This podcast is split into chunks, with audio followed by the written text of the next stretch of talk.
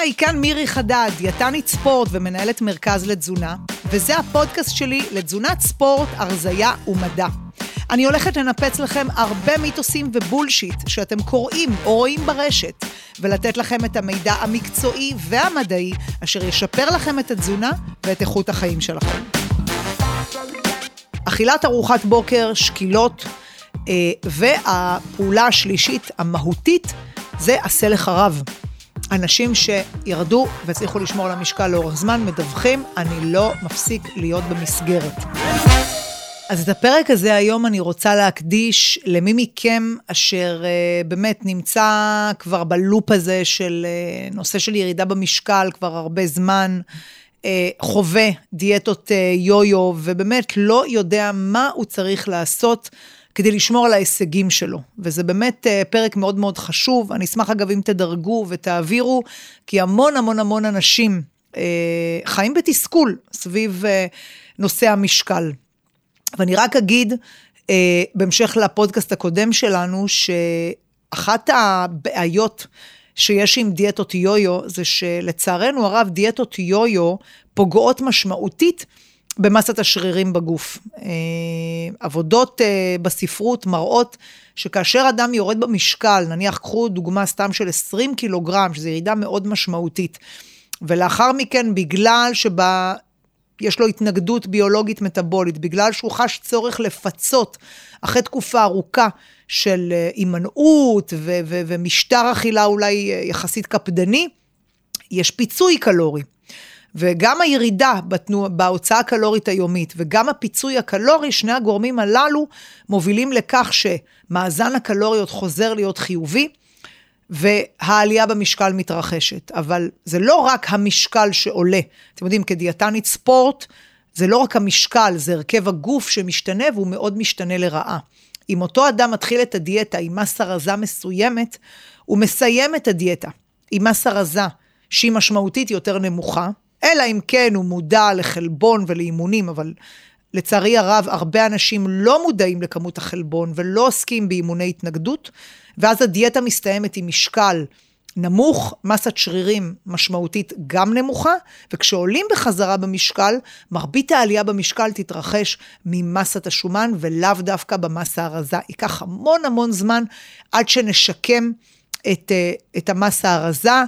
אה, ונחזיר את המסה הרזה למה שהיא הייתה, אבל מה שנקרא עם ריבית דריבית של עוד כמה קילוגרמים של שומן. אז את הדבר הזה אנחנו באמת רוצים למנוע, לא, לאו דווקא בפן האסתטי, או, אלא יותר בפן הבריאותי. אנחנו רוצים להילחם על כל קילוגרם של שריר, ואנחנו לא רוצים להפסיד שרירים לאורך התהליך הזה של אה, דיאטות הרזייה.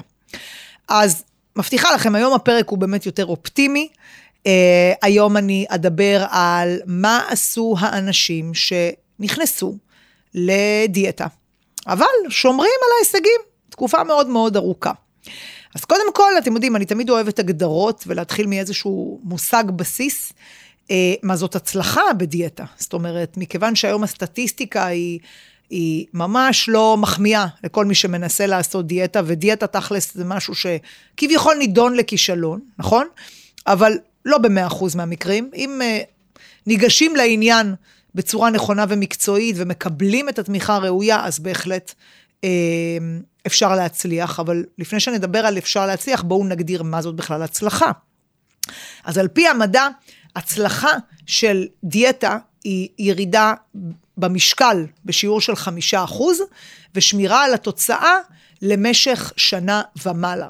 זאת ההצלחה של דיאטה. כמובן שיש אנשים שיורדים יותר במשקל, יש אנשים שיורדים יותר מחמישה אחוז, יש אנשים שמצליחים לשמור חודשיים, שלושה. אה, אנחנו רוצים לראות תוצאות לטווח ארוך, אה, וזה בעצם, אני תמיד אומרת, המבחן האמיתי.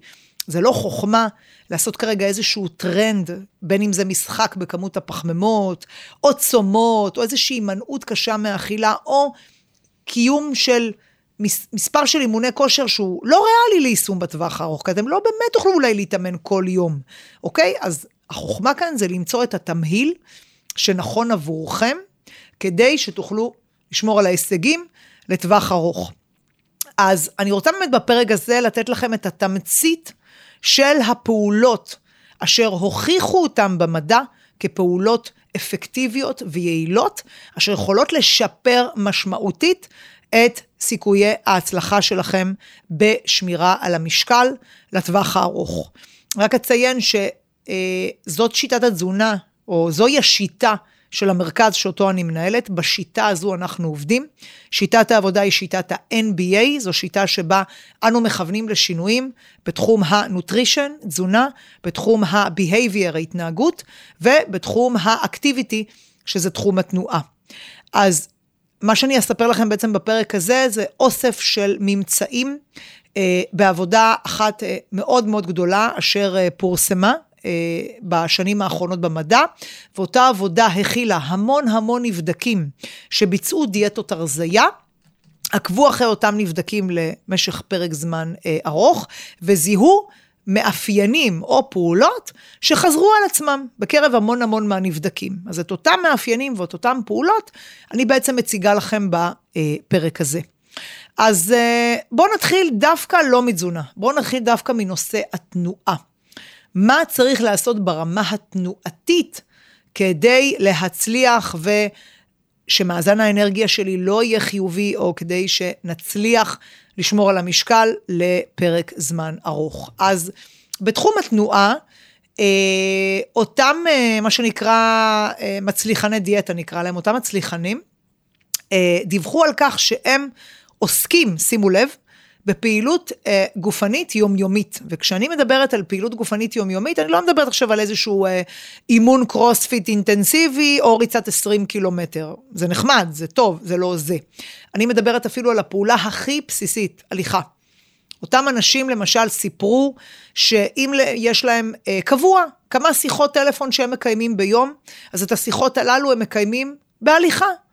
אם uh, uh, זוג חברות נפגשות לאיזשהו catch up יומי, או מפגש חברתי, או אימא נפגשת עם הבת שלה, כלומר, כל פעולה רוטינית שחוזרת על עצמה בתדירות גבוהה, ואפשר לעשות אותה בהליכה, טיפ ראשון, סופר חשוב, בבקשה לרשום, תתחילו לעשות אותה בהליכה. אם אתם כמוני יושבים מול הלפטופ הרבה שעות ביום, אני בטוחה שמדי פעם אתם מדברים בטלפון, או גולשים בטיקטוק, או בפייס, או באינסטה. פשוט תחליטו שאתם עושים את הפעולה הזו לא בישיבה מול הכיסא. אתם עושים את זה בהליכה, אתם זזים, אתם לא נשארים לשבת. אחת העבודות המרתקות שפורסמה בתקופה האחרונה הראתה שישיבה של מעל עשר שעות ביום, שימו לב למשפט הבא, ישיבה של מעל עשר שעות ביום עשויה לבטל את האימפקט הבריאותי המשמעותי של אימון כושר. זאת אומרת, אדם ש... קם בבוקר ויושב עשר שעות מול הלפטופ, אבל אחר כך הולך, עושה ספינינג או אימון כושר, אני לא אומרת חלילה שלא יעשה, אבל האימפקט הבריאותי שלו אה, משמעותו יורדת, וחבל. ולכן אחד המסרים הראשונים שאני יכולה לתת לכם, פשוט תזוזו יותר. מי שרוצה לקחת את השעה הזאת לכיוון של אימון גופני ולהגיד, אני פותח את היום שלי באימון כושר. זה יכול להיות אימון התנגדות, זה יכול להיות אימון הליכה בים, זה יכול להיות ריצה, זה יכול להיות אה, עלייה על מכשיר אה, כושר אירובי שיש לכם בבית, מול הטלוויזיה אפילו, אין בעיה.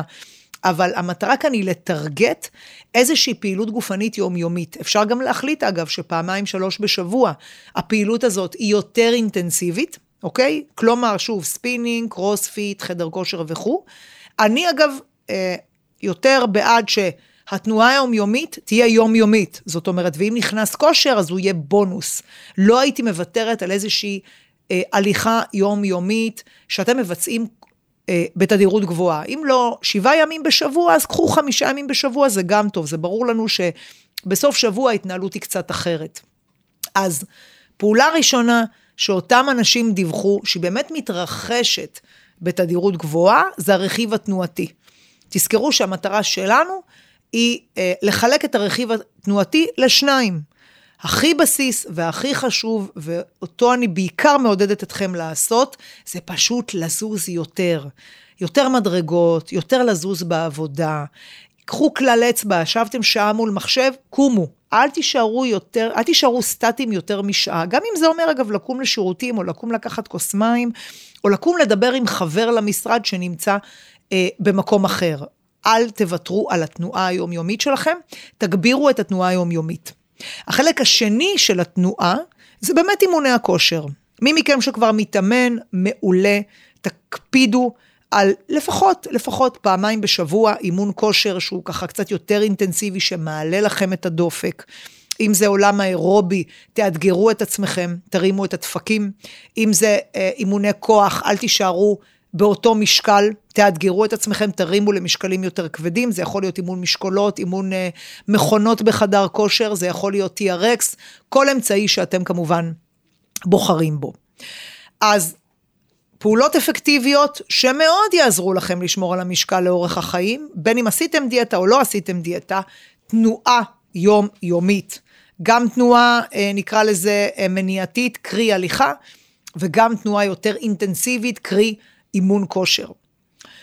זה מבחינת התנועה, שזה אגב אחד המסרים החשובים של הפרק הזה.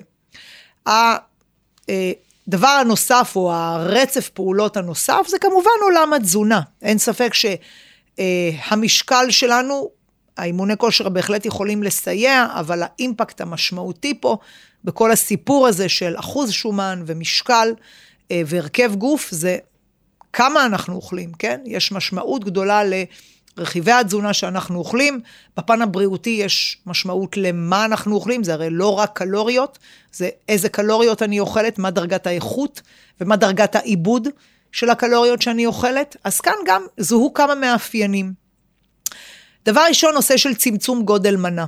אנחנו חיים היום באמת, שוב, בתקופת שפע, קל מאוד לאכול הרבה קלוריות. קחו דוגמאות הכי שכיחות, טייק אווי של מסעדה. נגיד מוקפצים של מסעדה, אטריות, רטבים, בשרים, יגיע בגודל מנה מאוד מאוד גדול. קל לנו לסיים את הכל, כי הרי זה מה שהזמנתי, זה מה שהגישו לי, למה שאני לא אוכל?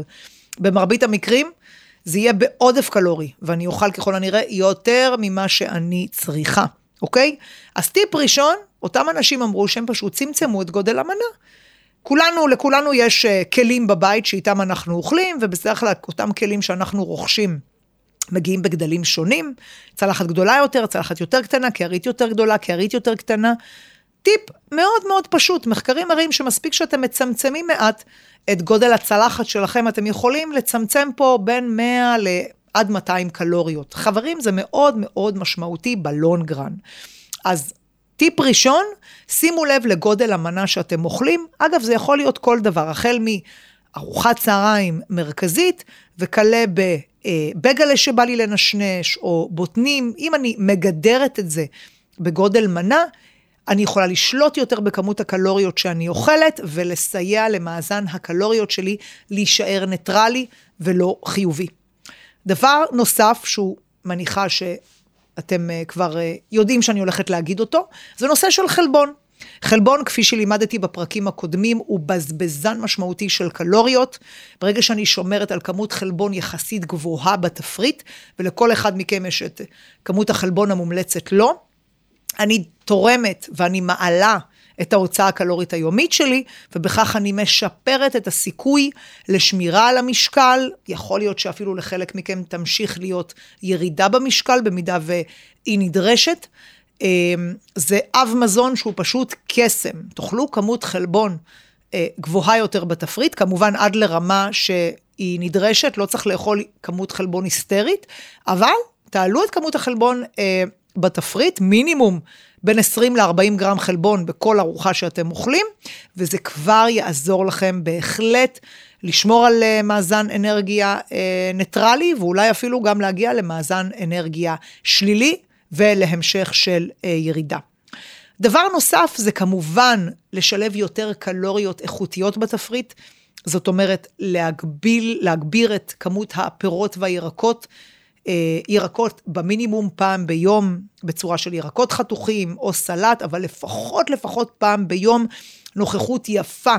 אה, ארבע, חמש מנות ירק ליום, ובין אה, מנה לשלוש או ארבע מנות אה, של פירות. תשאלו אותי, מירי, מה זה מנה? אז דוגמאות פופולריות זה מלפפון, חצי אה, גמבה, כוס עלים, עגבנייה, אפרסק, תפוח, תפוז, אה, שני שזיפים קטנים וכדומה. אז אה, כמובן לכל אחד יהיה את התקציב שלו, ככל שכמות הקלוריות שלכם בתפריט תהיה גבוהה יותר, כך מנות הפרי והירק שלכם תהיינה רבות יותר, אבל בגדול ככה ערך אה, גס, משהו כמו 4-5 מנות ירק ו-2-3 מנות אה, של פרי.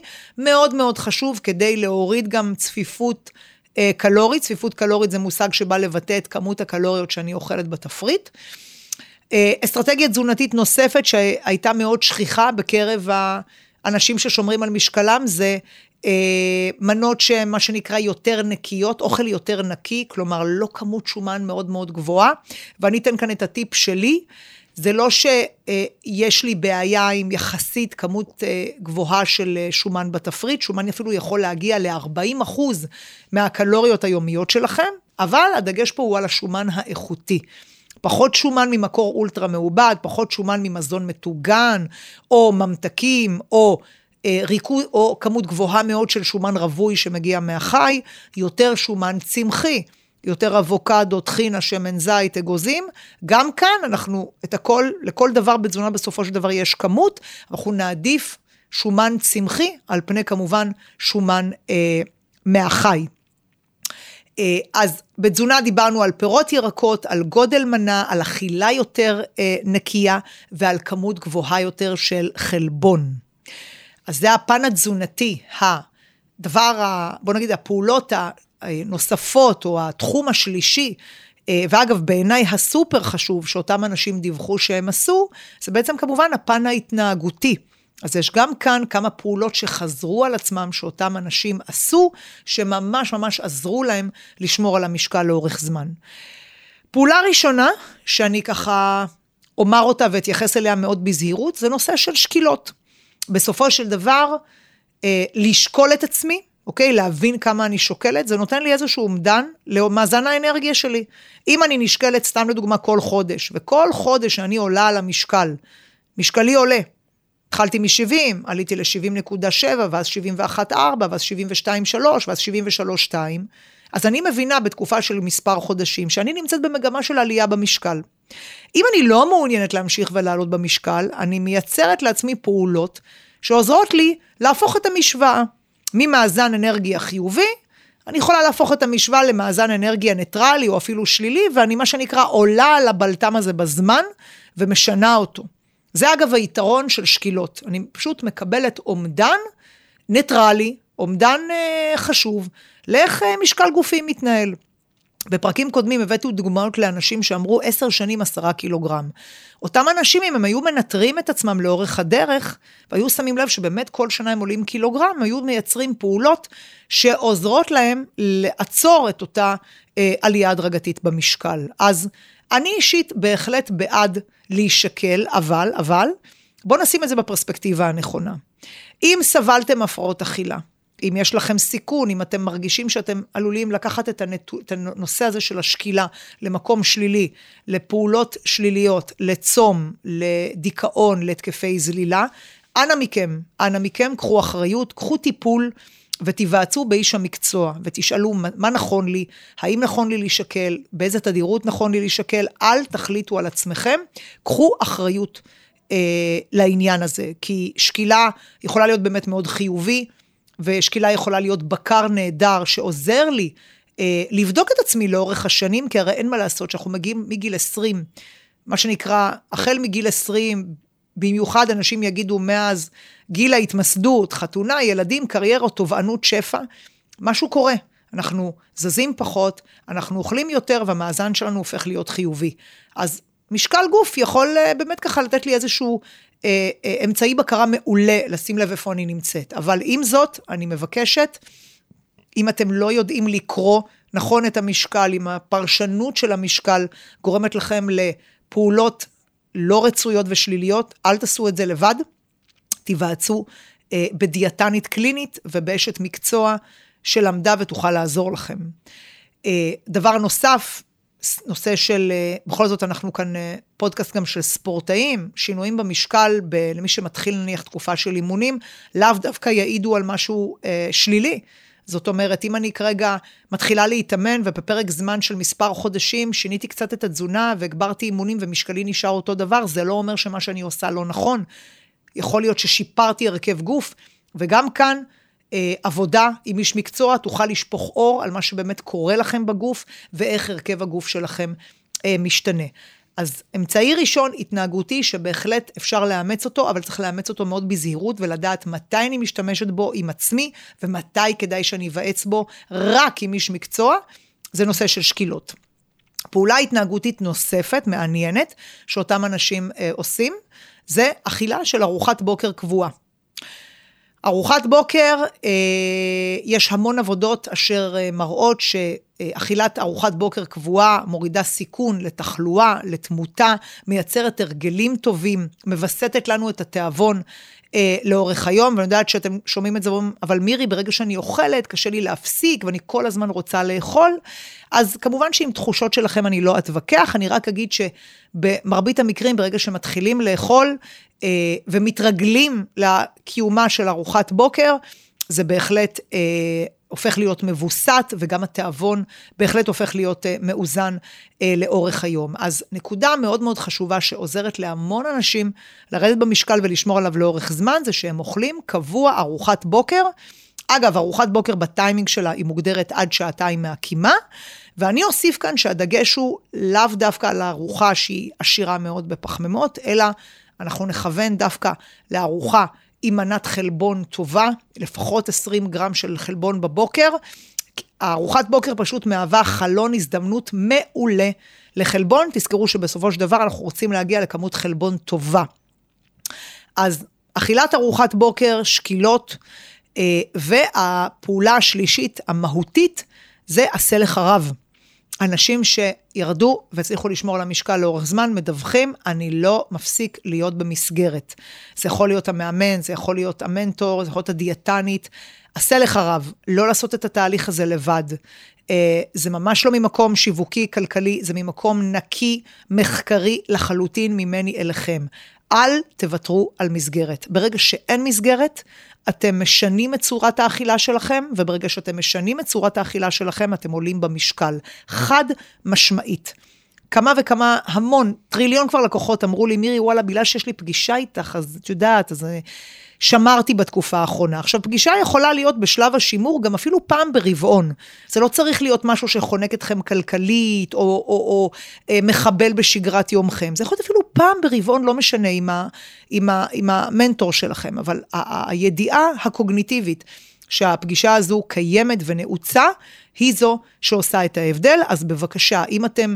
באמת, סובלים ממשקל עודף, אם אתם מאותגרים סביב הנושא הזה הרבה זמן, אל תוותרו על מסגרת, זה ממש ממש ישפר לכם את איכות החיים, יעזור לכם להתמודד עם האישיו הזה, שהוא באמת לא פשוט, ויעזור לכם להעלות את סיכויי ההצלחה.